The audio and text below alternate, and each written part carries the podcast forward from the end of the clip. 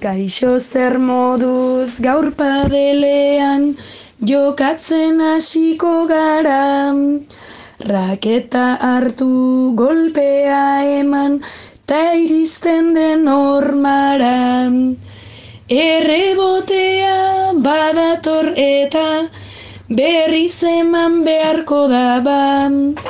Presta gaitezen parean dugu urrengo pilotak abam.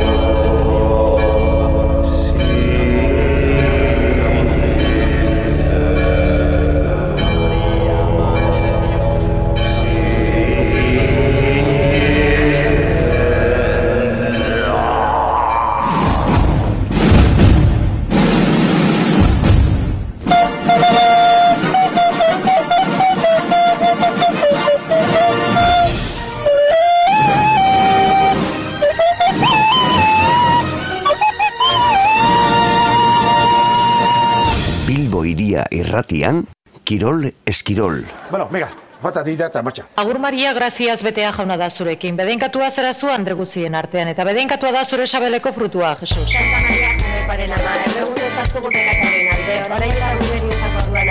Agur Maria, graziaz betea jauna da zurekin. Bedenkatua zera zu guzien artean, eta da jangek me. Eta.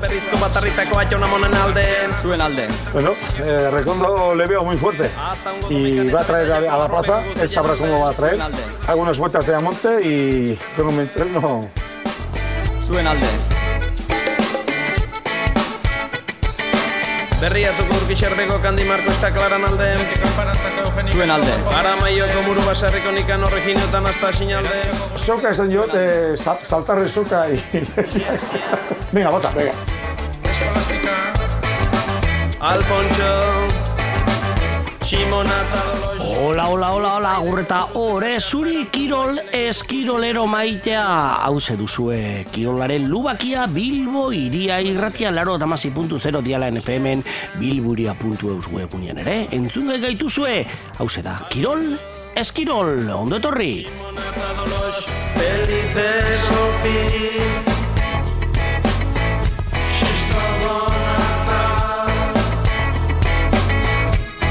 Makari justo.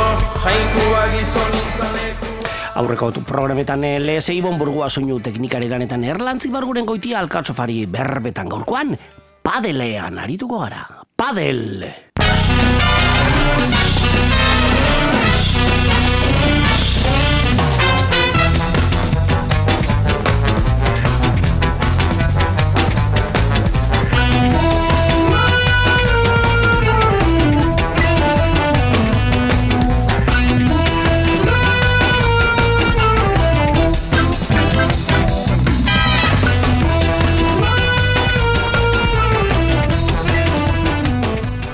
Eta bai, padel moe mundua harakatuko dugu zentralidade handira ekarriko Amaia Martin eh, Euskadeldiko Padel Federazioko zuzendari teknikoa.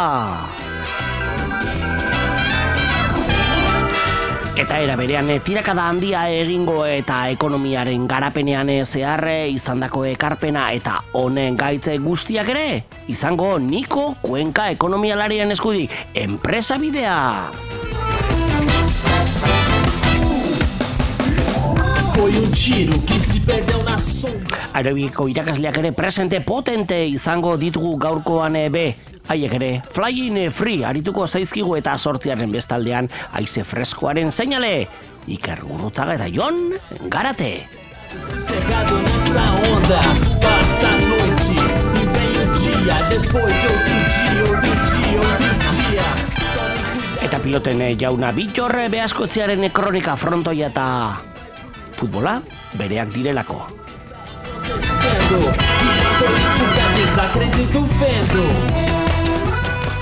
Eta ezin ahaztu, gertuko handiena, maiteena, ederrena, goxoena, maite, zarazola. Berea izan da hasierako bertzoa, aurkezpena, bukerako agurra ere, bere ahotan eh, izango dugu. Biba maite zarazola izazelaia!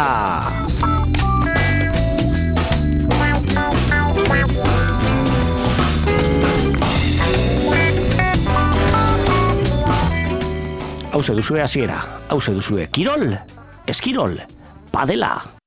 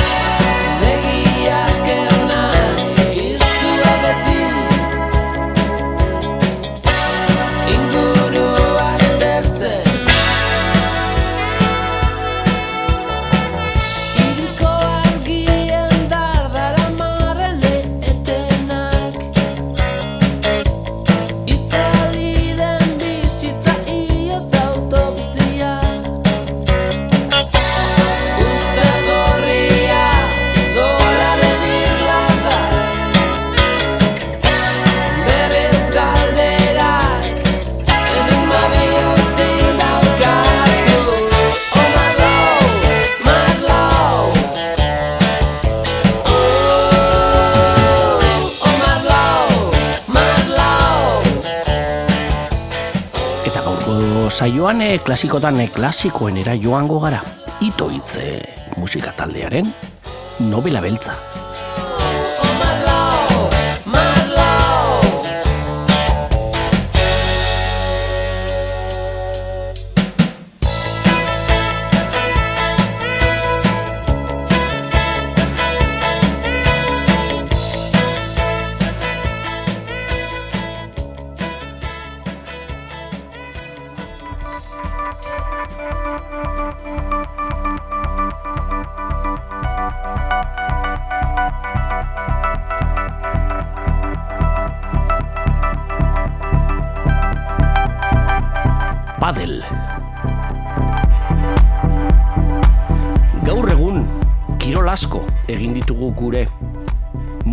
Frontoia eta bertan egiten direnak esportatu ditugu eta gustagarri izan zaizkigunak ekarri importatu. Horien artean dugu padela, baina kasu. Ez nahastu izen antzekoa duen padel surf estiloarekin. Bata tenisaren antzekoa da, aizpa txikia lurrekoa, bestea ordea, uretan egiten den ohol gaineko zutikako arrauna. Biek dute pala eskutan. Gaur, kirol eskirol saioan, lurrekoa, sarea pala eta pilota, padela. Definizioak emila, padela bi bikoteren arteko jolasa da tenisaren oso antzekoa baina lau hormen artean jokatzen dena. Eta pilota helduleku motzeko buru zabaleko palarekin jotzen da. Zehatzago esan da, bi bikoteren artean egiten den kirola da.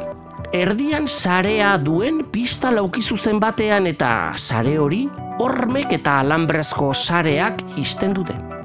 Kaiola gotor estuan. Zarearen gainetik palarekin pilota jotzean datza lehenengo kontrako zelaian eta gero hormetan edo alambrezko sarean botea egiten saiatzean, aurkariek itzuli ez dezaten. Partidak hiru zetera jokatzen dira. Tenisean erabiltzen den puntuazio sistemari jarraiki, gurean ezagunak diren kintzeen evoluzioan. Azken aldion handi zein txiki diren euskararen herrietako gure herri hiri auzoetan, padel pistak ugaldu egin dira perretxikoak lez. Garai batean, etzen auzorik frontoirik gabe, bada 2000 eta hogeta laugarren urtean ez da izango padel pistarik gabekorik. Egin kontu, mendipuntan den andrakan, aurten zabalduko dute kristal gardeneko pista, padel berria. Eta ez zaizkio erabiltzaileak faltako. Baietz, itzaron zerrenda luzea osatu padel sukarra dario gure herriari. Kirol bizia da, esfortzu labur baino tenkatuak eskatzen dituena. Tentsioa mantendu behar partidan zehar eta musikaren beharrik gabe, belaunak zein orkatilak dantzan jartzen ditu. Beso eskumutur bikoa dardarka, pala pilotaren kontra jotzearen tentsioak eraginda. Biarretako mina existitzen dela frogatu dute askok, padel kirolari helduta. Ume gazte zein heldu, belaunaldi guztiek dute kabida, Eta kaiola txikian pilota sarearen beste aldera botatzearen eh, gerran gustura arituko. Izan ere, denok dugu ezagunen bat ala aritzen dena, ezta? Padela, ingelesetik e padal, Mexikon jatorria duen kirola da. Pala eta erraketa arteko tresnarekin pilota jotzean datza. Tenisaren antzeko zelai gotorrean. Kristaleskot kaiola txiki itxurakoan. Bikoteka jokatu hoi da eta joko jolasak funtzesko hiru elementu ditu. Pilota, pala eta joko zelaia edo pista. Bolak kontrako eremuan pumpa egin behar pareta eta kristala jotzeko aukerarekin baina urreneko botea beti pista barruko zoruan jo behar. Ezin paretean zuzenean aurreneko kolpean jo. Tenisean bezala, aurkariak kolpe bakarrean eta aurreneko botean zein eh, botea eman eh, barik bidali beharko du pilota esiak banatutako beste zelaira. Kirol askoren oinarrian bezala, padel kirolean ere Euskaldun astarnak ditugu muinean, eta frontoia ardatz. Enrique Corcuera mesikarra jotzen da padel kirolaren asmatzailetzat. Acapulcoko Las Brisas, herriko bere etxeko frontoiaz, maite minduta, mila bederatziron eta irurogeta bian, iru metro inguruko altuerako horma ereki zuen, lehendik zuen hormaren kontrako aldean. Beraz, eskerreko paretan den teilatu txikirik gabeko trinketea ereki zuen. Frontoi gotorra, lau paretatan itxia. Frontoriaren erdian sare bat jarri zuen eta alboetan garaiera hartaineko lau pareta jarri zizkion, frontoi barruan beraz, kaiola eraiki Enrikek. Pista horrek hogei metro luzera eta mar zabalera zituen, atzealdean hiru metroko hormak eraiki eta guztia ezin metalikoz inguratu. Erabiltzain ziren arauak, tenisekoak bezalakoak ziren, baina hormak erabil zitezkeen aldaerarekin, aukera zuten jokalariek paretetan pilota jotzeko, errebotea baliz bezala. Enrique Corcueraren lagun artean, Alfonso de Hohenlohe, printzea zegoen, Malagako Costa del Soleko gune turistiko askoren sustatzaile, igiezin enpresa, erraldoien jabea. Eta noblea. Alegia, dirutan itotako aberatsa. Garaiko txampon eta paperezko bileteetan igeri egiten zuenetakoa. Marbella, iriaren garapenean funtzesko pertsonaia izan zena. Horrela, diru eta aberaskume artean jaio zen padelkirola. Adreilu eta porlan arteko negozioetako etekinek auspotuta. Mila bederatziron eta irurogeta amalauan Alfonso de Johenloje printzea, Mexikora Enrikeren etzela egin zuen bizitan, kirol modalidade berri honekin liluratuta geratu zen. Eta marbeiara bueltatutakoan, aldaketa batzuk egin zituen pistan eta araudian Hala, Europako aurreneko pistak Marbella inguruan eraiki. Urte bete geroago, mila bederatziron eta irurogeta ama bostean eh, Julio Menditegi aberatza Argentinarra, berriz ere, dirutan itoa eta Euskal Diatarriko abizen loriatua soinean. Menditegi. Marbella desente bizitzatzen zuena, padelaz maite minduta geratu eta Argentinarra importatzea erabaki zuen. Urte gutziren buruan, padelak oso harrera ona izan zuen Argentinan eta herrialdeko bigarren kirolik erabiliena bihurtu zen. Zein lehena? Beinke, Maradonaren futbola. Urteen joan ginean, Argentinatik inguruko beste herrialde batzuetara zabaltzen hasi. Hala nola, Brasil, Chile, Uruguay, Venezuela, Paraguay eta mundua konkistatzen hasi larogeiko hamarkada izan zen mugarri kirolaren eh, zabalpenean. Eta orduan hasi ziren txapelketak jokatzen. Zirkuitua osatzen. Tartean, dirusariak babesleak eta oihartzun mediatikoa izan ziren akuilu kirolaren azkunde eta zabalpenean. Batez ere Argentinan, eta ozeano urdin amaigabearen beste aldean, konkistaren imperioan, Europako Espainiako estatuan. Euskal Herria eta Padel kirolaren arteko lotura ez da soilik sorrera prozesuan agertu, frontoiaren presentziak agindu bezala. Izan ere mila bederatziron eta laro eta amaikagarren urtean Bilbon egoitza duen nazioarteko Padel Federazioa sortu zen. Eta Julio Alegria Artiatx izan zuen lehenengo presidente fundatzailea. Gaieten familiako izango. Urteek aurrera egin eta txapelketak ugaritu, munduko lehiaketak martxan jarri eta kirolaren profesionalizazio hasi zen. Argentinarrak munduko top postu handietan. Gatiker eta makirri hainburu. Azken horren abizenak ere Euskal kutsua du ezta? Padel Euskal Herria arteko beste lotura bat akaso? Frontoia menditegi makirri hain nazioarteko federazioa Bilbon. Lotura horiek ez dutu eta Euskadiko Padel Federazioko zuzendari teknikoa izango dugu bidaia lagun urrengo minutuetan. Amaia Martin, Padel Landia.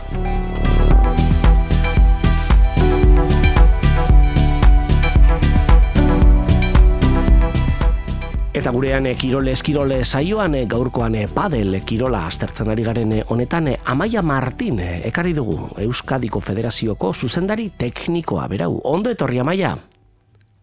Kaixo. Tira, hemen eh, ari gara eta padela munduak eta izan duen garapena kontatzen eta kantatzen askundea esponentzialki handitu eginda, zer dauka padelak hain erakargarri izateko amaia? A ber, nire ustez da kirol bat oso horrexa dana e, azteko jokatzen eta sentitzeko, bueno, ba, kapaza zehala jokatzeko, ez? Ba, daude kirol batzuk igual, ordu asko sartu behar dinak, ja pixket e, itxurozo jokatzeko moruan, ez? Mhm. Eta padelak nik uste hori asko errestula, ez? E, azken finean, zeinek ez du ondartzan palata jolastu, o frontoian, o ordun. Bueno, nahiko errex eta edozein naiz da berdin da ze adin dakasun, ez? E, jende asko heldua da eta eta nahiko errex montatze jo ordun. Edozein mailatan jokatu leike. Ez da behar izan kristonona, e, padele, osea, padelera jokatzeko. Baizik eta bakoitzak bere mailan bere partidua dauzkata. Horre, horre, horrek, nik uste horrek ditula erakargarri bat. Herri eta hiri guztietan eh, ikusi dugu hor padel pistak eh, ugaritu egin direla, eh, pistekin batera ere eh, lizentziak eh, Euskadi mailan ere handitu egin dira, tarte horretan. Bai, lizentziak dexente igo dira, batez ere pandemia ostean e, asko, asko igo da, ze momentu hortan nik uste e, zela kirol bakarra uste zutena praktikatzen, ze distantzia mantentzen zen, Mhm. orduan, bueno, horrek egintzun, jende asko baita hor, lehenengo ikutsuak egitea e, padelian, eta, bueno, ba, hasi ziren jokatzen, eta, claro, jokatzeko, txapelketa batzuk jokatzeko, lizentzia behar duzuta. Horrek egin digu, lizentziak asko igotzea. Hainbat eh, mundu, mundu daukagu padel eh, honetan, eh, izatez, lagun arteko jolas partida horiek, eh, larun bat goi zarratzalde gauak hartzen dituztenak, gero ere badago eh, Euskadi mailan eh, badaude lizentzia berak ere bide eman dute, bada, ez profesional, bada... Eh, Denbora pasa bide horretan, baina txapelketetan eta aurkesteko bidea. E, tartean, Euskal Liga ere, sortu dugu.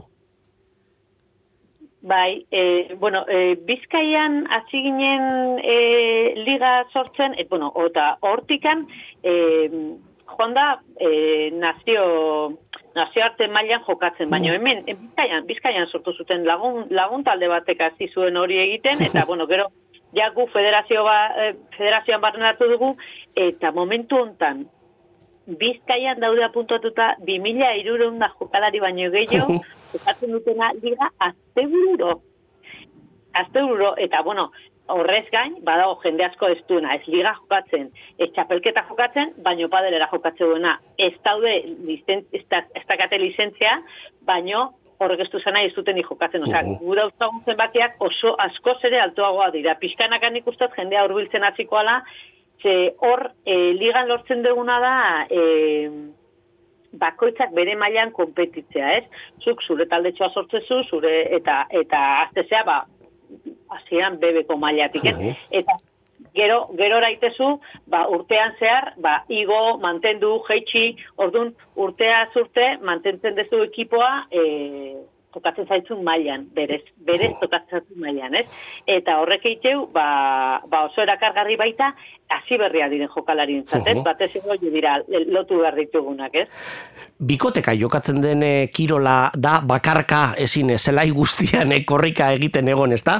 Eta gerora ere txapelketetako edo Euskal Ligako eh, postuen arabera ere rankina osatzen da. E, nola ebaluatzen duzue zuen baitan eteden edo rankina eta eraberean gero ba, txapelketetako gonbidapenak edo eskuratzeko? Nola egiten da rankin hori? A ber, rankina berez, e, momentu hontan e, ligan geuk badaukagu rankina, Mhm. ez? Baina da e, propio ligarako dan rankina. Aparte dago, txapelketatan e, jokatzeko dago rankina eta horri deitzen diogu rankin uniko da e, Espainiako Federazioak daukan rankina, bale? E, hori zergatik egiten dugu, e, hasieran geuko neukan geure rankin propioa, ez? Euskal, Euskadiko rankina.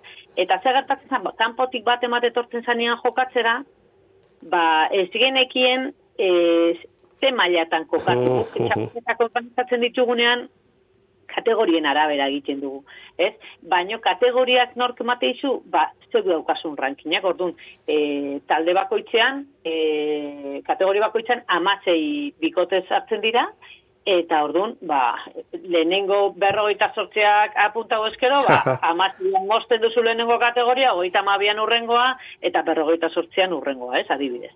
Orduan, segertatzen zen, ba, etortzen zirela, e, ba, ez dakit, imaginatu, em, Kantabriako mat, o Naparroko mat, o Burgoseko mat, eta e, beti wilkarrak eskatzen ari ziren jokatzeko, eta orduan jendeak eixatu egiten zan, da orduan erabaki gendun, Espaini maila osoan e, e, egitea ranking bakar bat.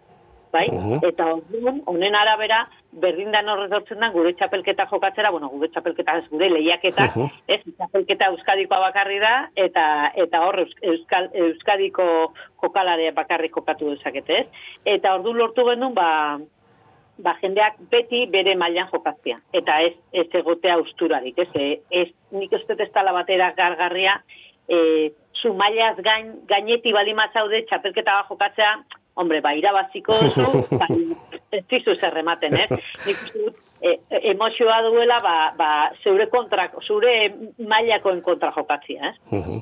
Eta argigarria da e, Euskal Herriko eta Bizkaiko hainbat herritan etengabean e, pade txapelketak ugaritzen ere ari direla. Tartean hor urdulizen eta izaten dira halako padele txapelketak eta horre nork e, auspotzen ditu txapelketa horiek? E, klube pribatuek ala zuek ere parte hartzen duzu txapelketa horietan? A ber, guk daukaguna da geure zirkuito propioa eta gero egia da klub askotan egiten direla ba sozialak Mhm. bezala, ez? Barneko txapelketak. E, eta baita badakigu udal batzuek ba behaien festetan eta bar ba, ba egiten dituztela olako txapelketa txikiak, ez? E, orokorrean e, geure egutegia dugu eta gure egutegian sa- sartzen nahi dutenak, ba, eskarak egite dituzte eta ez da batere, batere arazorik. Gu saiatzegea klub guztiei beraien txapelketa ematea, ez? Gero badaude batzuk, ba, igual puntuatuko dutela e, nazioarte mailan, o puntuatuko dutela Euskadi mailan, o bakarrik Bizkaia mailan, ez? Baina, bueno, hor, hor, hor dago pixkat e, ekilibrio hori lortzea, ez? Eta beti saiatzen gea baita, e, Karo, zupentza, e, klub bat berria balima da, eta hasi nahi badu, aukera emango diogu. Baina horrek ez du nahi beti hor, bultzaka ibili den klub horrik endiko diogunik bere txapelketa, ez? bestela hor beti bronka sortzen da. Baina, orduan, egin behar dena da, ba, ba demostratu, ez? E, ze, ze, ze egin nahi duzun, ze zari emate dituzun, da bar, eta, eta bueno, nik uste dut e, orokorrean e, danak nahiko, nahiko ados daudela, ez? Baina, Ezate izute, e, herri txikietan da, badaki txapelketa asko sortze direla, ba, ba hori, e, zentro e, udal kiroletan, eta, eta bar, ez? Bai, ze gaur egun ere e, udal guztiek daukate beren e, pista eta tartean e, be sartu da beste figura bat e, sartu zaigu kirole munduan monitorearena. Eta zuok ere basabiltzate monitoretzan e, trebatzen eta profesionalizazio ere sustatzen entrenatzaile edo monitore e, rol hori hartzen duten horien. Bere figura importantea da, ezta? Amaia? Bai, tekniko, tekniko pila bat eh, ari gea formatzen momentu hontan, e, talde bat daukagu Jon Garcia Arinok eramaten du, e, bai e, teknikariak bertan dauden parte hartzen duten teknikariak klase horiek emateko, e, danak goi mailakoak dira, eta eta gero ba, ikusi dugu ez bakarrik e, Euskadi mailan, ez bakarrik Bizkaia, Gipuzko o Araba mailan, baizik eta kanpotik jende pila bat etortzen Mhm. dela e, gure kurtsoak egitera. E, eta oin, e, ari zaizkigu baita eskatzen e, kanpora juteko Polonian eman behar dugu kurtso bat. Gauza ondo, gauzak ondo egiten diren seinaleak aso?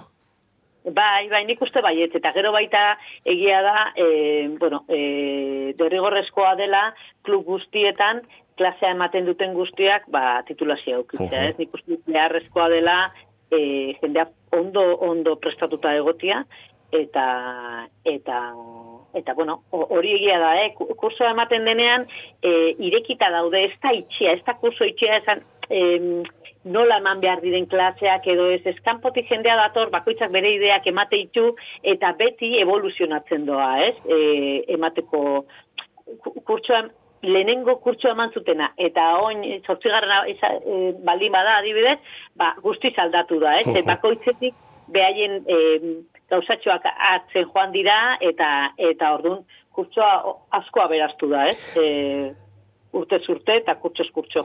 Etengabe evoluzionatzen eh, doan eh, kirola izanik, aldatu ez den kontu bat da, e, bikoteka jokatzen dela.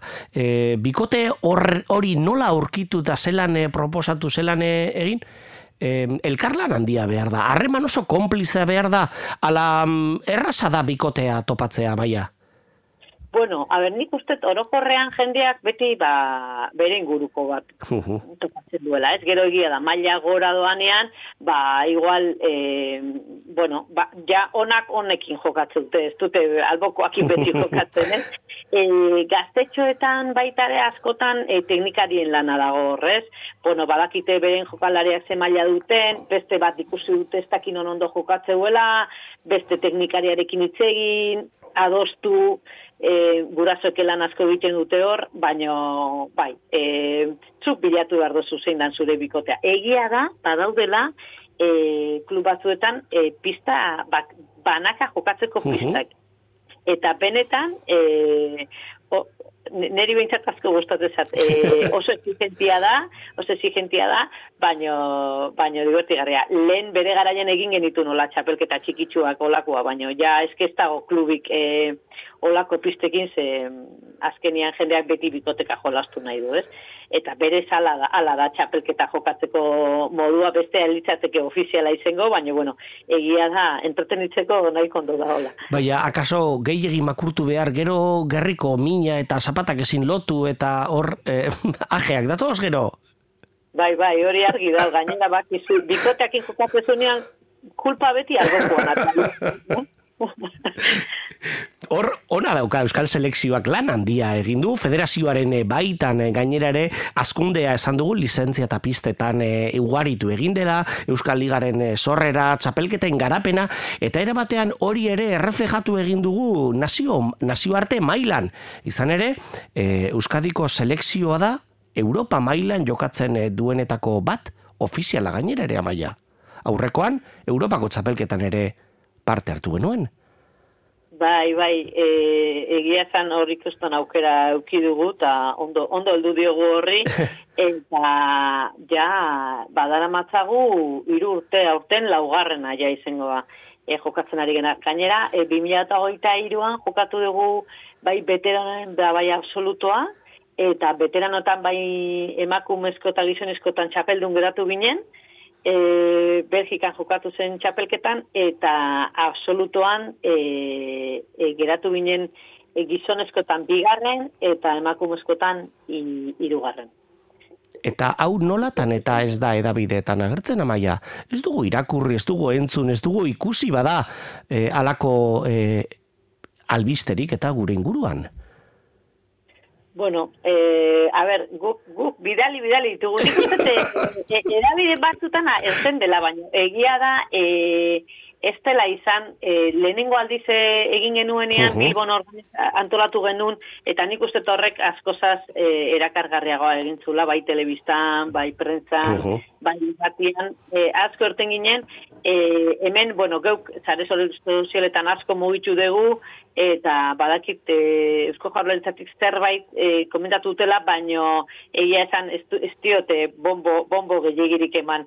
Bueno, nik uste pixkanaka e, ikusiko dela, bueno, ba, hor jarraitzen dugula ez, e, maila altoan jolasten, eta ikusita jendea bakoitzan da, jende gehiago dagola e, bueno, lizentzia asko ditugula eta bar, ba, nik uste e, horrek ere eragingo diola, ez? E, Gainera ere hasi dira e, padela e, telebistan e, kate handietan eskaintzan, izan e, Madrilen izandako e, txapelketa handien bidean, beti argentinarrak ditere dira hor, amaia.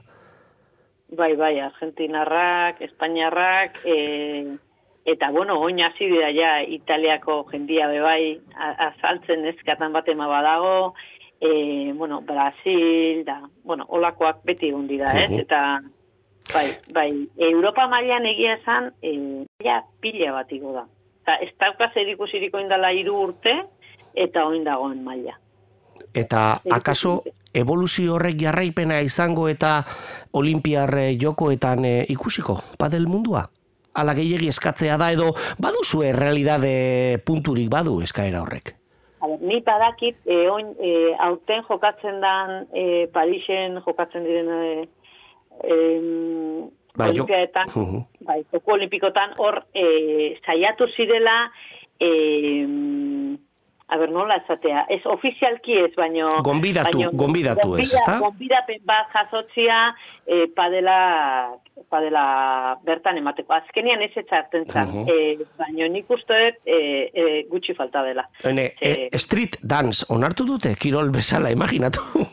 Bai, bai, horrek, desatizut. E, nik uste oso gutxi falta dela, eta, eta, eta edozein momentutan ja burua hor sartuko dela. Ez nik uste uston aukera dela jendearentzako gure gaztetxoentzat batez ere, e, eta, bueno, a ber, a ber, noiz jo noiz bat ematik uste du goia. Eta ikusgarritasuna soinean, bada e, padel pilotaz e, gozatzen. Amaia Martin, e, Euskadiko Felezera Federazioko zuzendari teknikoa, ze helburu du, ze urrengo erronka dauka federazioak eta... Puf, erronka, ba, behitu, niri, nik e, pertsonalki nahiko nuke e, emakumeak e, lehiaketetan gehiago ikustea. Ligan, ligan ikusten dugu e, e, emakume pila bat ditugula hor e, sartuta eta jokatzen, eta nik uste hor, horrek egiten dula erakargarri, ez? E, zure taldetxoakin jokatzezu, jutezea zure partida jolastu, eta gero daukazu zure hirugarren denbora hori, ba, igual, e, zuri tomata hartu, o, ez? Bueno, taldeko plana egin, eta nik ikusten dudana da, e, emakumetan, e, gure lehiaketetan, ba, ba, jendea ez dela horren beste apuntatzen dauzkagun emakume pilakin eta ikusten dut hor hor ba utxune badaukagula bakarrik onenak jokatze dute eta gu behar duguna da onenak eta ez dainonak jokatzea danak barne egotia, ez? Eta, bueno, hor nik uste lan asko egin behar dugula, gaztetxotan bebai, e, em, gazteak bakoitzan da e, jende gehiago jokatzen ari da, baina ez da beraien lehenengo kirola. Bai, hendik, bai futbola, bai saskibaloia, hori danak aurreti ditugu, eta, eta bueno, egia da, jen, gaztetxo asko ditugula jokatzen, baino, ba, ba hori, ez daukatela bere lehen kirola bezala. jarri. Bada hegemoniatik eh, kanpo ere bizitza dagoen eh, seinale, kirolaren erpinetan e, padele munduaz ere gozatu halko du eta ahaldun du kirola ere osasuna delako.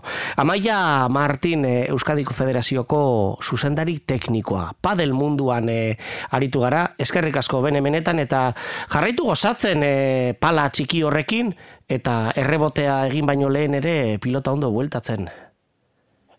ondo, eta esker.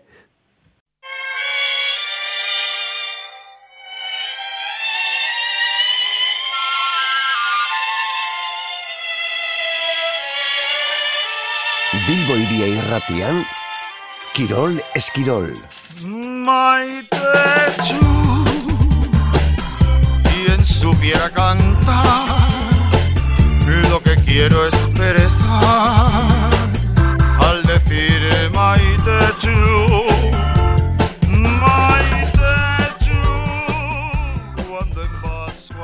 Etortze Amaia Martin Euskadiko Padel Federazioko zuzendari teknikoa e, eledune handi eta zentralidadera ekarri. Bada, padel kirolarin eh, nondik norako handiak. Ekonomiara ere, lerratu beharko gara tartetxo batean eta enpresa bidea izeneko aldizkari digitala ere ekarriko dugu gurera. Izan ere eh, gaurko mundu honetan kirolak bizi gaitu edo eta kirolaren eh, mundu honetan ardaztuta bizi gara. Ekonomia mundua ere iraultze bidean omen da eta ekarpena izan ete du bada padelak e, gure ekonomian. Bada, kirolaren sukarrean e, bizita denok e, gara gimnasioko kide frontoiko edo eta padel e, pistetako maister. Niko kuenka ekonomialariak ere badu zer kontatua. Izan ere enpresa bidea e, kaseta digitalak argitaratu zuen e, duela urte bat padela ere negozio bilakatu da izeneko artikulua. Eta hortik tiraka. Eta zenbait galderaren formulan badaniko kuenkak bota digu iritzia. Mardula beti ere. Handia lodia eta fina. Eta gurekin e, Niko Velvet Underground eta Niko Kuenka. Padele kirolak indar handia hartu du azken aldion. Ez da auzorik pistari gabe. Ekonomian eh, eragina izan aldu? Bueno, batez ere, eh, azkenengo urteetan, eh, pandemiatik igual, pandemia eta gero batez ere, goraka da izan du, eh, goraka izan du. Eh, Paderen historia oso bitxia da, berez, eh, duela mente erdi inguru sortu zal Mexikon, bueno, han bazteagolako eh, tipu bat, nore bat esateko, eh, Acapulcon, ba, bere etxean bazuena tenis pista bat, eta bueno, bai, belarrak eh, ezin baditzeko, nolabait esateko pista hori, ba, no, ba, ezin metalikoa eraikin zuen, eta eta hortik sortu zan paderaena. E, Mexikon popularra izan, eta batez ere e, peninsulara ez, estatura egin zuen salto, e, Marbella aldera. Eta Marbella aldean hor, ba, bueno, jetset eta goi mailako klase hortan e, bueno, indar handia hartu zuen, nahiko popularra egin zan, eta hortik, bueno, estatu mailan e, nahiko zabaldu zan. Gaur egun, ba, bueno, e, baditugu eta bizkaia gainera e, badu posizio majo bat, ezta? E, estatu mailan, e, prekatu mundu mailan, esango nuke e, e, estatua Espainia dela, ba, bueno, e, pista gehien duen duen e, estatua, ezta? E, berrogei mila pista daude, 2008 biko datuak dira, eh? berrogei mila pista daude mundu mailan, hogitatik e, ia erdia, ama mila eta irureun, Espainian daude, eta bigarren herrialdea, e, Italia izango ditzak eia 6 mila eta bosteun pistakin, ez da? Horrek erakusten du, ba, bueno, estatu mailan izan duen e, indarraldia. Eta bizkaian, ba, badu, badu indarre nabaria, herri batzuk, hogeita, hogeita bat klub daude bizkai guztian, bai, eta esanguratsua da, bizkaian, e, derioren kasua, ez da? E, derion iru o, lau padelgune dago zalako, bai, e, guztira ia hogeita marpista baino gehiago e, osatze dutenak, orduan, ba, bueno, esanguratsua da, egia da, derio bilbo alboan dagoela, trenabe gertu batela, eta horrek adirazten dau. Eta gorantzoa doan e, kirol bada, eta ekonomiak ere ez ikusi handia dauka, ez da? E, ba, bueno, espektatibek ez dutena da, e, 2006-rako, e, laroita bos mila pista egotea mundu guztian zehar, hau da, e, 2008 an berrogei mila baldin mazuen, ba, bueno, kopuru hori biko iztea eta eta hori zean neurtzen da dirutan, ba, bueno, espero dana da e, 2008 zerako, hau da, bi urte barru, gitxe gora bera munduan zehar, munduan mugitzen duen e, negozio volumena, fakturazioa, ez da? E, negozio volumena 6 mila milioi eurokoa izatea, ez da? Eta hor, hor ikusi da, ba, bueno, e, inbertsio pribatuak ba ikusi duela helduleku bat, ez da? Negozio egiteko helduleku bat, e, mundu mailako e, lehiaketak, txapelketak ugaldu dira. E, lehen bat zegoen e, bueno, e, mundu mailako, mundu mailan ezagunena den e, txapelketa e, World Padel Tour ditzen dana, hori Espainia kantolatzen zuen, e, Espainiako, bueno, katalanak azuentan DAM, garagardo enpresa kantolatzen zuen, eta dagoeneko saldu dio negozioaren erdia gitzo gora bera Katarreko e, enpresa bateri. Bakizu, Arabia, Arabiako herria asko, ari direla kirolaz baliatzen bere, nola esateko bere irudia zuritzeko edo hobetzeko mundu mailan zehar, bai, eta horre ikusi dugu golfa, ikusi dugu tenisa, eta kasu honetan padelera ere bai, eta eta bueno, gorre padel hau e, Katarko enpresa batek hartu dau, orduan horrek ere polemika biztu du, baina horrek oso argi derazten dau, e, bueno, pa, padela ari dela izugarri handitzen, oso ospeona dukala eta negoziotarako oso baliabide egokia dela. Katarriak zar, kata, Katariko edo Katarko gobernua sartu baldin bada mundu mailako bira hori edo txapelketa hori erosteko, hortara sartu baldin badira, horrek erakusten du, ba, bueno, ba, negozio ikusten dutela, ezta? Eta nahiko agerian uzten du, ba, bueno, e, e, zerako predizio dago, zan gaur egun, gaur egun, 2008ko datuekin, azkenengo datuak ezagutze ditugunak behintzat, 2000 milioi euroko fakturazioa zeukan mundu osoan padelak, eta bi urte barru, iruko iztea espero da, 2008 zerako, 2008 zerako, 6 milioiko negozio volumena espero dalako, ezta?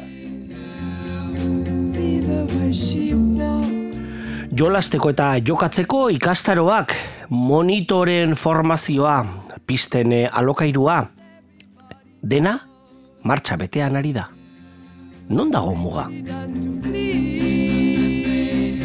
Ba, bueno, e, muga askoz handiagoa izateke, edo, edo errenkada askoz luzeagoa izateke, e, padel raketak eh, ekoiztea, duela gutxi jakin izan dut, badagoela Nafarroan enpresa bat, bueno, nahiko punteroa da, duela gutxi hasi dela padel raketak egiten, ekoizten, berez da, e, sukalderako altzariak ite dituen, formikakin eta alako materialekin lan egiten duen enpresa bat, eta hasi dara negozio hildo berri bat, e, padel raketak e, ekoizten. Eta gia da, e, pixkatelitearekin, edo goi mailako kiloraekin, edo, bueno, pixkate pijo kutsu hori duenez, ba, hanko saltzen diren produktuak garestiagoa direla. Hor, hor badauz negozio hildo oso oso potenteak, e, zapatillak, e, arropa, ze, bueno, berez edozin kamisetarekin jolastu zeinke, baina antza, ba, bueno, jatara dituzte padelera jolasteko kamisetak, ezta. Beste kirol batzuekin ikusi dugun bezala, golf, atolako talako, ba, bueno, sortu dituzte arropa linea bereziak eta eta material linea bereziak, ezta. Horrun negozioa ja ez da bakarrik, zuke aipatzen zenuen hori, hau da, e, ikastaroak ero emate dute zerbitzu bat, bakarri jone bakarri baldin baso asko astera, klub hauetan izena ematen duzu eta zure mailako jendea topatzen dute zurekin jolasteko, beraz, ondo dago, ez duzu e, beste inore ezagutu behar, e, klub hauek, zuk urteroko kuota pagatzen duzun klub hauek e, topatzen dizutelako zure mailako jendea jolasteko. Beraz, hor negozio hildo auke, asko aukera e, zabaldu dira, Eta beste bat izan daiteke iraikuntza enpresarenak. E, ikusten ere gara urbanizazio askotan dagoeneko ja hasi direla padel pistak egiten eta horrek ere e, negozio dakar atzetik, ezta? Beraz, bueno, ba, ba negozioak e, jakin du bide berriak topatzen, ezta?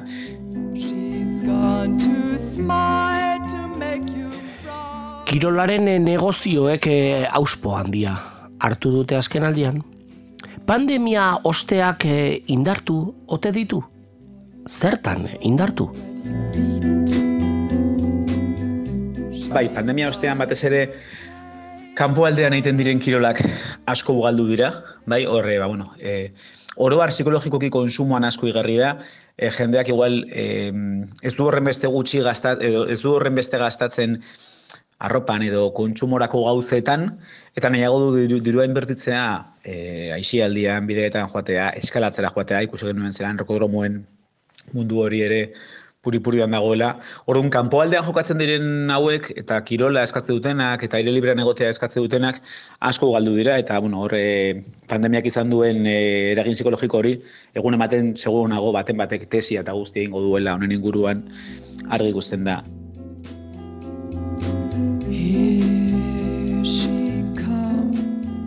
Etxe bizitza gutxiago, baina kirol pistak etengabe eraikitzen eh, ari. Nola ulertu ahal dugu ziaboga hori? Bueno, em, gaur egun em, batez ere urbanizazioetan ba, asko galtzen nahi dirila alako, alako ekipazioak ez da. Ez dira berez oso garestiak eraigitzea, azken batean pista bada, eta jendeak etekin ataratzen dio, hor, ma, bueno, e, e, eraikuntza enpresak, e, enpresek ikusten duten, ikusi duten negozio bildoa, eta geroz, eta gehiago eskentzen dituzte alako, alako zerbitzuak lehen komendatu dizudan bezala. Eta kirola bizitzaren erdigunera eraman ote dugu.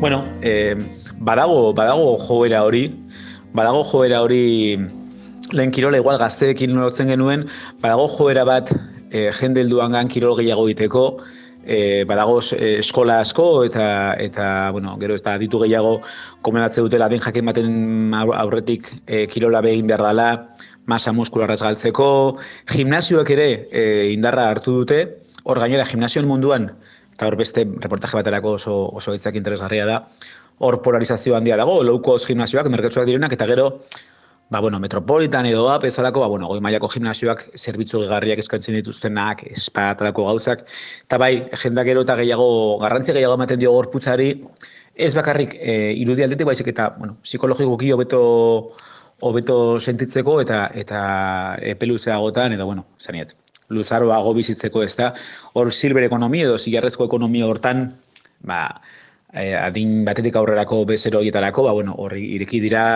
negozio dildo berri batzuk e, kiroraekin lotutakoak ez da. Bueno, Niko, enpresa bidea, padela gustatzen? Ala nahiago duzu eskirol izan? Kirol edo Eskirol, ba, ez da bereziki guztoko duan, pare bat alditan jolastu dut, ba, euskat oso oso oso enkantzatuta duen lagunak eta inoiz, ba, joateko esan diate. E, tenisa bez dut bet inoiz guztoko izan, esan diate, frontoian bai, frontenisean, frontenisa oso guztoko dut, eta betan bai, baina padela, ez diot, oza, egia da divertigarria dela, eh? eta jolastu, jolastu nezenean ondo gustora egona zela, eta ondo, eta ondo pasatzen duzu, hormek laguntzen dutenez, ba bueno, esango nuke, zote esango esfortzu gutxiago egin behar duzunik, inundik inora, baina bueno, hormak lagunak diren eta hormekin bojola duzunez, da bueno, horrek ematen dio diversio puntua. Beraz, gehiago kirol, osea, gehiago eskirol kirolari baino.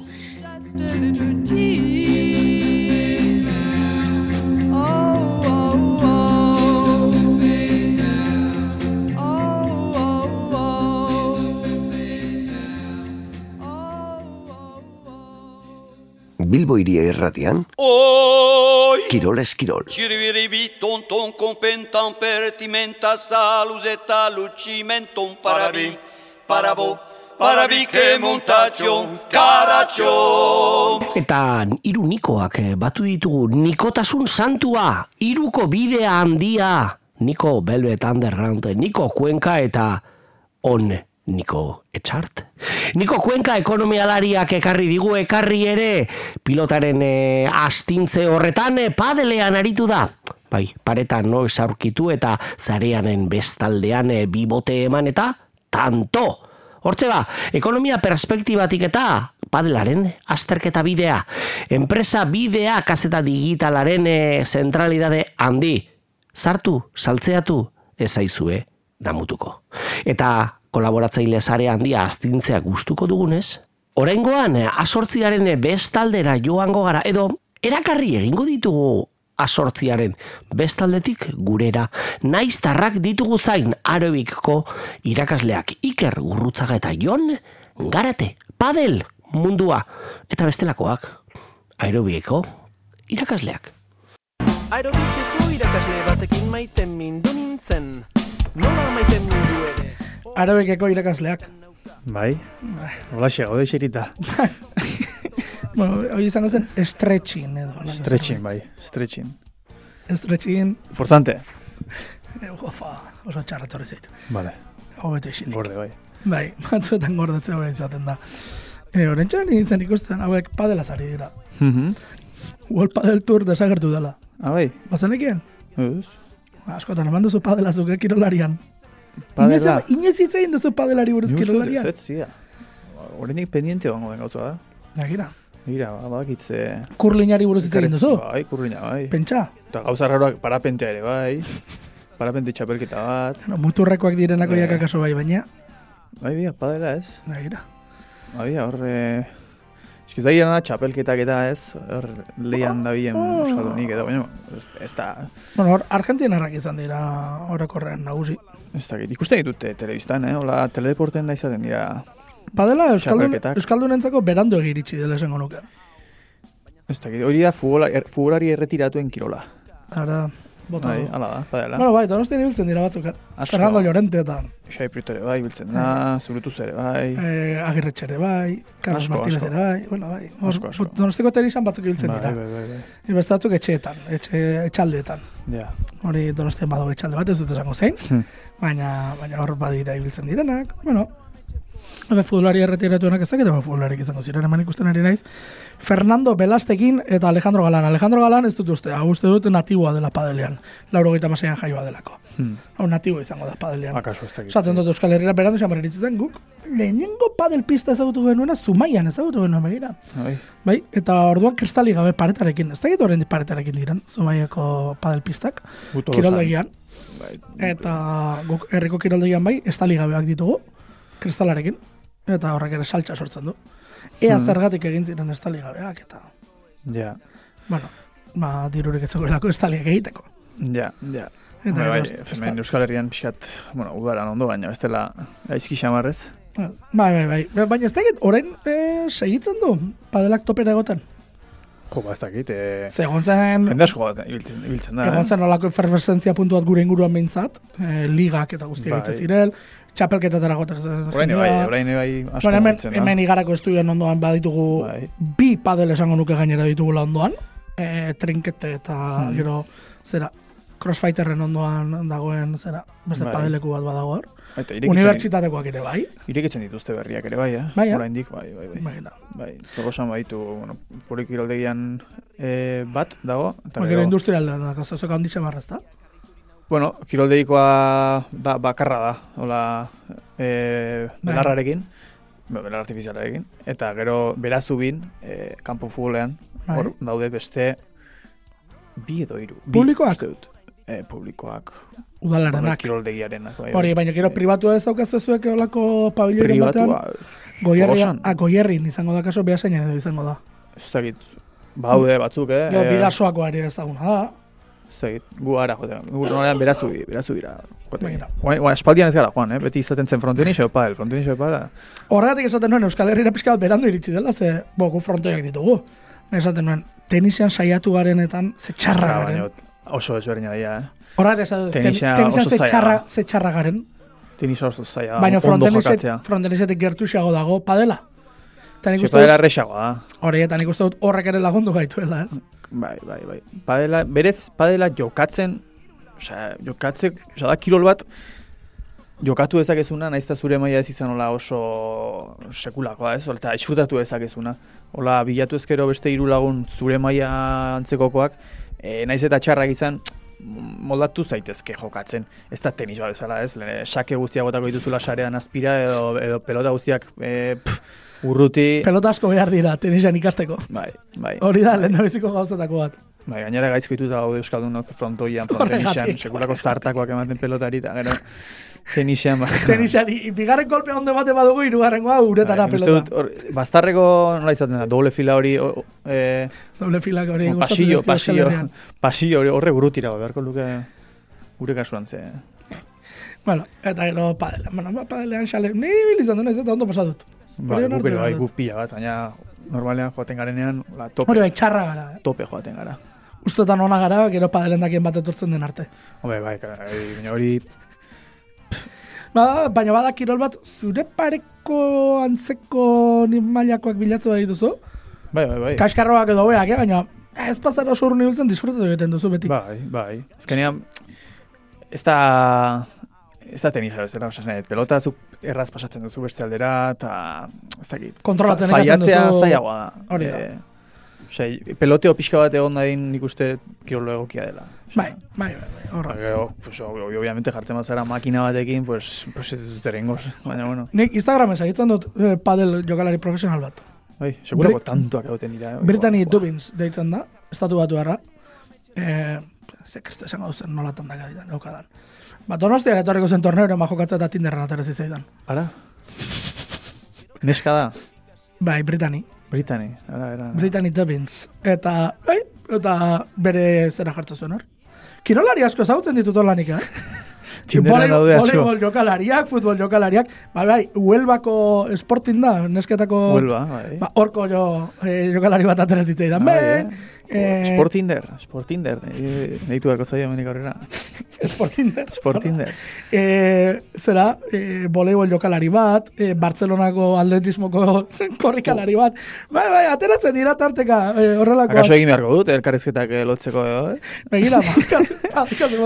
Bueno, ba, kontua da, Brittany Dubinsonek, eh, bertan, eh, Brit, B-R-I-T-T, Dub, D-U-B-I-N-S, Brit Dubins, eh, jarraitzeko moduko eh, Instagrama dauka, ze, kontxako pila bat ematen ditu, eh, padela jokatzeko. Eta onak, ez, hau da, asiberrientzako, padel for dummies, esaten dena. Mhm. Eh, gero berak oso acento grazioso du, castellanos, ze ez daki, castellanos ondo, hortaz, eh, dena engelesez egitzen du, Mhm. eh, ba, oso graziosa da. Baina, bai, hasi edo, bai, ba, ba, profesionala, eta, bueno, eta segin nuen, eta, ba, orain segitzen dut ez tinderragatik, bezik eta, Mhm. ba, ez genuen matxik egin. Begira, begira. Matxiketzen egon ez. Etzen matxik egon. Matxe Ma- bakarrik urte zaretan. Hori da. Hori da. Edo ardotara guazenean. Hortaz, baina begira, gauza bitxiak gertatzen dira tarteko. Bai, bai, jo, eh, jo. Begira. Bai. Zertarako balio dute sare sozial bereziagoak ere. Baina, bueno, hori da nik padelarekin dudan esperientzia guztia. Bai. Hau, Nik asko zoiago ez. Bueno, eh, erronka botako aldiego bizkaitarra guai. Zepa dela? Hortan igual ez gara txarrenak izango. Oh, ni moldat, a, ni naiz ona, eh? Baina moldatzen naiz, osen nahi dut. Lehiakorra ba naiz bintzat. Bilbo iria irratia versus naiz irratia? Ojo, nahi badute. Badituz, ba, bi badituzte. Bi, bikote osatzeko alegia. Bi izan behar direlako. Padelean jokatzen. Nik bi pala ere baditut. Nik, ez nik bat daukat. Ni pro, boa, pala probat eta guzti erosi nuen emozionatu. Nik ere oso dut, pala. Baina ez dut erabilia. Ez, nire altzen. Joaten gaitzen, eh? Gutxi ditan dela, baina. Bueno, guk bota dugu. Bai, bota dugu. A ber, ani, eh, animatzen diren. Padel derbia. Eh? Padel derbia. Paderbia. Hala, venga. Hala, venga. Nahiko esan dugu gaurkoz. Ondo izan. Aio. Bilbo iria. Hizkuntza, kultura eta herria. Eta girola, klaro, ez da? Bada bai, aerobikiko irakasle maiteok, eh, erronkari bai ez, esango dizuegu, beinke, prefosta, baiki, gaurkoan, ere bai. Ezin musigegin alako bideari eta tira, nik pena bat badut, eh, padelean aritu naizen horietan guztietan eta pentsatu izan dut aurreko pareta hori gertu egizegoela. E, feti ibili izan gara frontoiaren maizter eta e, frontoian goraka, goraka, goraka pilota eraman eta urrutirako pasoa, pase edo, bueno, urrune gi ere botatzearen beldurri gabe, baina padelaren muga horretan, kaiola ez da ez gure bidea, baina saiatuko gara, eta erronkari baietz esango, zelan ez. E, hori bai, Ibon, espero ni baino hobea izatea bezala, jai daukagu. Tira, aerobikeko irakasleak eh, gertu izango duzue partida horren eh, berri, naiz versus Bilbo iria irratia. Bestela ere, Ibon, amaia akaso hobeto izango duzu, bikote, ni baino. Ni bestela, arbitro. Bilbo iria irratia naiz eh, irratiaren arteko kolaborazio txiki horren erakusgarri, arroza sarea, biba guek. Eta badaukagu azkeneko bat, kas, kas, kas ez digu egin, hau sukaldera sartu zaigu. Aerobikoko irakasle aparte, badugulako beste maizter bat gurea handia. Gure bitxor, behaskoetzea. Piloten jauna, futbola eta frontoia, bereak dira. Domus aurea, federis arca, refugium peccatorum, consolatris afflictorum, auxilium Christianorum. Hogeita bederazten minutu jokoan eh, Carlos Tartieren, Obiedok bi, golak hogeigar minutuan oli.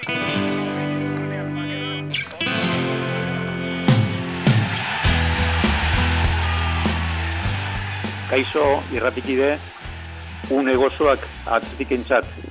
Une honetan denboraldiko zirrara dakarkigun taldea eta denan begibistan dagona. Horrelata adibidez, atzetik Girona partiduak jarraipen handia izan zuen ikusleengatik telebistan eta baziren zergatiak horretarako. Goian dauden talde bi, golegileak, ausartak eta erasoko futbola egiten dutenak. Hiru eta bi, azken emaitza, zurigorrie garaile, baina berdinketa ere oso hurbil ikusi zen San Mamesen. Bibian atzelariak buruarekin atera zuen inestremis sarera zijoan baloia eta azkenik hiru puntuak San Mamesen gelditu. Zurigorrien aldetik aipatu Alex Berenger, golbi sartuz eta taldekideen garaipena ziurtatuz. Hirugarren gola Iñaki Williamsen izterretatik atera zen aurretiko borroka atzelariekin irabazita gero. Garaipenari esker, atletik gogor jarraitzen Europako bide tokietan, eta balberdek esan duenez Championsa behiratu daiteke ere, naiz eta horreri buruz hitz gehiagirik ez esan. Deboraldia aurrera doa, eta asteburuan beste itzordu, eta froga legoientzat. Zebilan izango da, eta beti zen aurka talde Andaluziarra nahiko gogor ibili da azken urteetan eta aurten ez da hain fin ligan. Kontuan izan betisek Conference Ligeko partidua jokatuta izango dela Dinamo Zagreben aurka eta hori abentaian bihur daiteke bizkaitarrentzat. Horretaz gain, betisek arazoak izango ditu jardunaldi honetan, hiru jokalari kanpo geratuko direlako txartelen eraginez. Miranda, Sokratis eta Mark Roka hain zuzen ere. Neurketa igandean, laurak eta laurdenetan. Eta lau egun geroago denboraldiko itzordu garrantzizuena atletik entzat. Errege kopako etorritako partidua San Mamesen Atletico Madrid aurrean. Joanako neurketan Madrilen atletik nagusi. Utseta bat, eta beraz gauzak ondo bideratuta. Armaiak estanda egiteko moduan egongo dira, joandako urtean gertatu zen bezala osasuna naurka. Ia, orain honetan aldiz gertatzen den, eta alderantziz gertatzen, gertatzen den, eta zurigorriek zebilara joateko txartela lortzen duten. Une gozoa beraz, ibaiganeko klubatzat, eta beste albiste posgarri, jokalarientzat batez be, baina saleentzako ere. Buruz eta aurrelariak luzatu egin du kontratua 2000 eta hogeita sortzirarte. Eta futbolan postasuna kontatzen baditugu, pilotan une onak eta politak ere. Final, finala usaintzen ari dira bikoteak, binakakoan. Bitariko entzat, azte hontan jai, jaka marieskurrena eta etxeberria zabaleta, atxedena beraz hoientzat. Beste lau bikote izango ditugu esenatokian playoffetan hain zuzen ere. Ostegun hontan lehenengo partidua, altuna martija urrutiko etxea imazen aurka. Hau da, zailkapeneko iru, irugarren eta laugarren arteko borroka. Tolosan izango da hori, eta irabazlea final lerdietara zuzenean, galtzaileak beste neurketa bat jokatu behar. Esan, urrutiko etxea egongo dela aurrean, hartolari gastroenteritis batek jota daukolakon.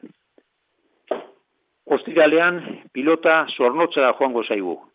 Pilota leku hau sarritan aipatu dugu azkenengo denboran. Eta bertan, bigarren playoffa izango da. Bost eta zeigarren artekoetan. Elordi rezusta alde batean eta peina albizu bestean.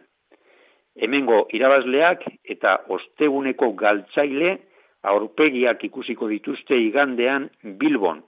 Jakiteko zein den laugarren bikotea finalerdietan egongo dena. Beraz, karteldegia oso erakargarria, asteburu ontako eta ez bakarrik lehen maila, promoziozkoan ere jaia dugu. Agirre iztueta eta egiguren eskuza zailkatuak, eta larun batean larraintzarren playoffetako bin neurketak. Larrazabal eskiroz esposito gazkue, eta ondoren Zubizarreta ugarte mendia de la fuente bikuña. Hortik aterako dira bi bikoteak final erdietako laukoteak osatzeko. Beraz, binakako eperik politenan sartu gara eta finalak gutxi gutxika usaintzen.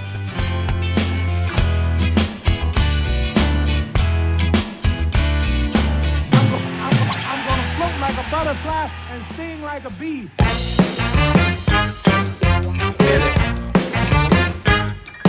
That's right. One time. Here we go. Right now. Eta Fermine Muguruzaren Black is Beltza klasikoa lagun, bukaera, heldu da. Padel munduan eh, aritu gara. Argentinarik eh, Euskal Herrirako bidea egin dugu Atlantiko Ozeano urdin amaigabea zeharkatu eta Amaia Martin eh, Euskadiko Padel Federazioko zuzendari teknikoarekina aritu gara. Padel Kirolas, Kirolaren ondokoaz eta bestelako ez.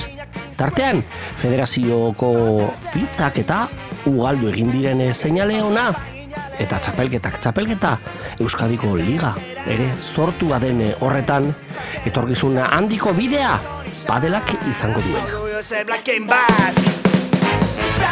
Enpresa bidearen eskutik ere jaso dugu ekarpen handia Niko Kuenga enpresa bidea kaseta digitala den eh, oinarrizko bideak eta ekonomiara lerratuak eta padele mundua arakatu dugu esan bezala Niko Kuenkarien eh, ahotan. Euskaraz Asortziaren bestaldetik eta uolde freskoa etorri zaigu. Agrobikeko irakasleen jarduna Iker Gurrutzaga eta Jone Garateren ahotan. Eta gure bitxorbea eskoetzea. Kronikalari bizi handia piloten jauna futbola eta frontoia bereak eh, direlako.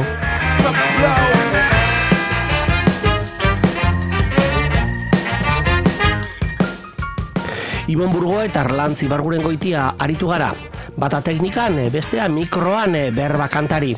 Eta ezin ahaztu, kantaritan handiena. Maite, Sarasola, Izazelaia. Berea izan dugu aurkezpena. Bereak ere izango dira, gaurko kirol eskirol honen akabukoak. Urrengo astean, zia eta boga arituko gara.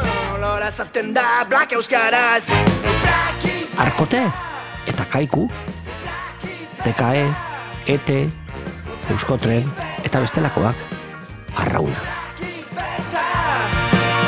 Gizateria esan duazkida Begirunea errespetua How do you say black and? I'm alive with your light, let it shine through the night. Black is better